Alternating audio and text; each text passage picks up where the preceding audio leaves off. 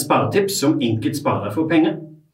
Hei, jeg er Gjerknakken Rune fra gjerknett.com, og i dag vil jeg komme med noen generelle råd til hva du bør gjøre for å spare penger.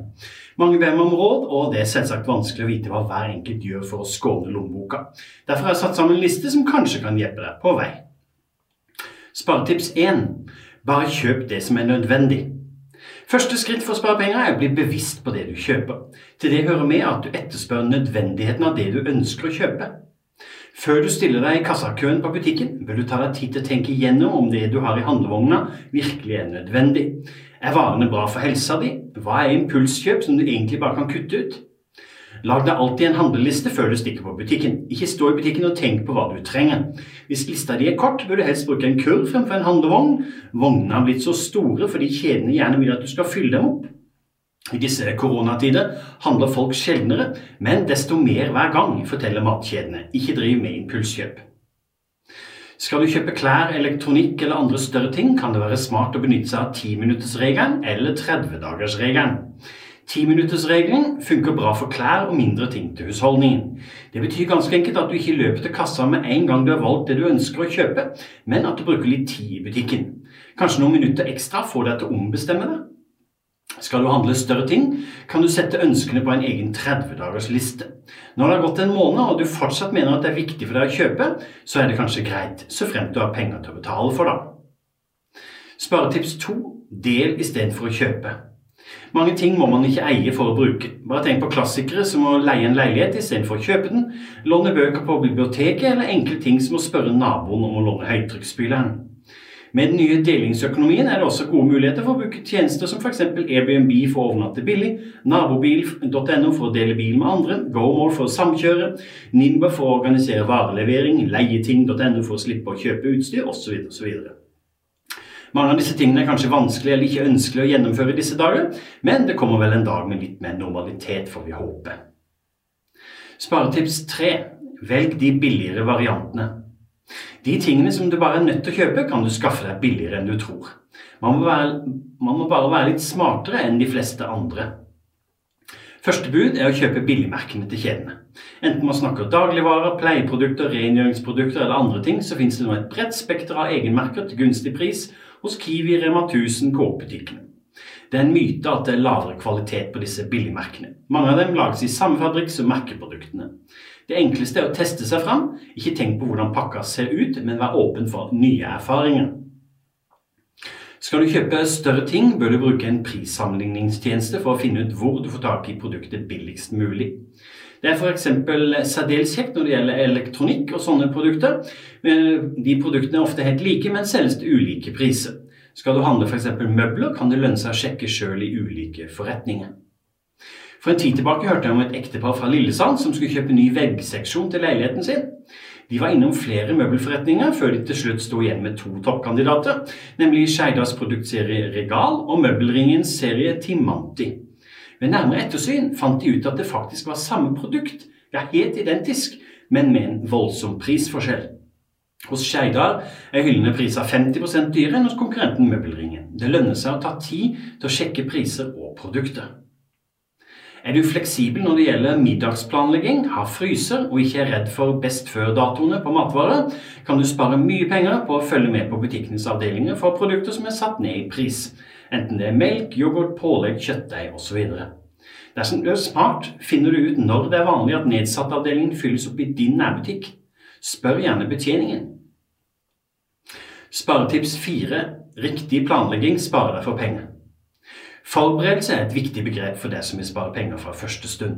Bare tenk på hvis du skal ut og reise eller farte mye rundt i jobben din. Lag kaffen sjøl fremfor å kjøpe dyr kaffe underveis. Smør nistemat istedenfor å kjøpe overprisa kioskmat. Nå for tida er det kanskje litt langt borte å tenke sånn, men prent likevel ordet forberedelse i hjernebarken. Samme prinsipp gjelder selvsagt for middagsplanlegginga. Impulsmiddag blir sjelden billig. Sett opp en plan for minst en uke fremover og varier så godt du kan, og ikke vær redd for å skyve restedager innimellom. Sparetips 5. Sjekk utgiftene i husholdningen. Du tenker kanskje at utgiftene i butikker og sånt ikke når opp til de store utgiftene du forårsaker hjemme, og det er selvsagt riktig. Det er selvsagt mye du kan gjøre hjemme også. Følg med i nettbanken og sjekk hva du faktisk bruker pengene dine på. Kanskje er det en fin aktivitet om du uansett henger hjemme og ikke vet hva du skal finne på. Iallfall halvårlig bør du sjekke om du abonnerer på noe uviktig, eller er medlem et sted som kanskje kan kuttes bort. Klassikeren her er jo treningsstudio, men kan like gjerne være det lokale idrettslaget som du fortsatt er medlem i. Tenk iallfall gjennom om du fortsatt har anledning til å støtte dem. Selvsagt er det økonomien din som styrer det her, ikke nødvendigvis om du skal koronastøtte Gud og hvermann med dine penger. Sjekk strømforbruket ditt og følg med på strømtelleren. Ikke bruk strøm når det ikke er nødvendig. Slå av unødig lys, standby-greier og sånt. Og det gjelder selvsagt nå også, selv om strømprisen er lav.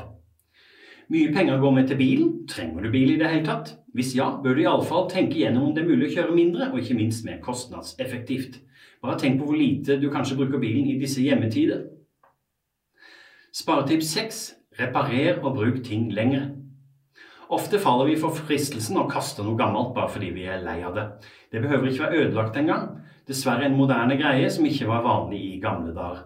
Bare tenk på sokker. Det er ikke mange som flikker på sokker, men kjøper heller nye enn feil.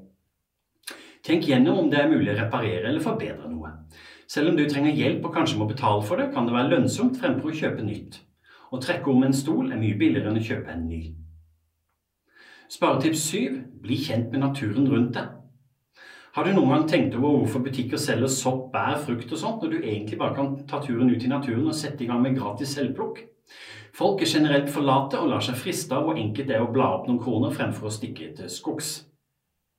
Men har du en fryser og ivrige familiemedlemmer, behøver det ikke ta lang tid å sanke sammen en rekke herligheter som naturen tilbyr deg helt gratis.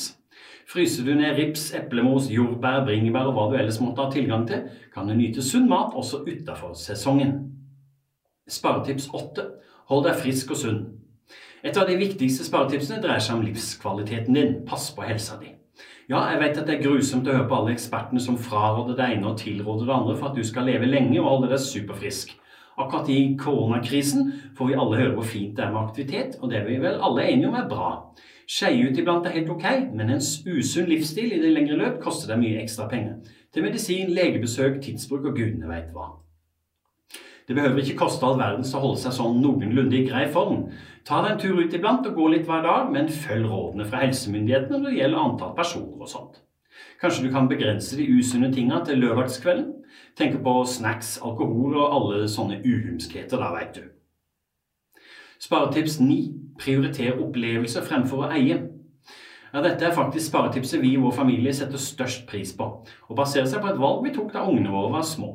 Istedenfor å kjøpe oss til lykke, og den er uansett kortvarig, har vi valgt å spare penger til reiser og store og små fellesopplevelser. Enten du gjør det med egen familie eller med venner og bekjente, så har man mye igjen når man opplever ting sammen. F.eks. lage mat, spille spill, sykle en tur, ta en kjapp skogstur eller besøke familien et annet sted i landet. Akkurat dette med besøk faller jo bort nå for tida, men kanskje du kan planlegge årets sommerferie med familiebesøk istedenfor sydenferie og sånt. Takk for meg. Dersom du likte dette innlegget, håper jeg du har lyst til å ta en titt på nettsida mi, jerknatt.com, og ellers følg med på sosiale medier som YouTube, Facebook, Snapchat og Instagram.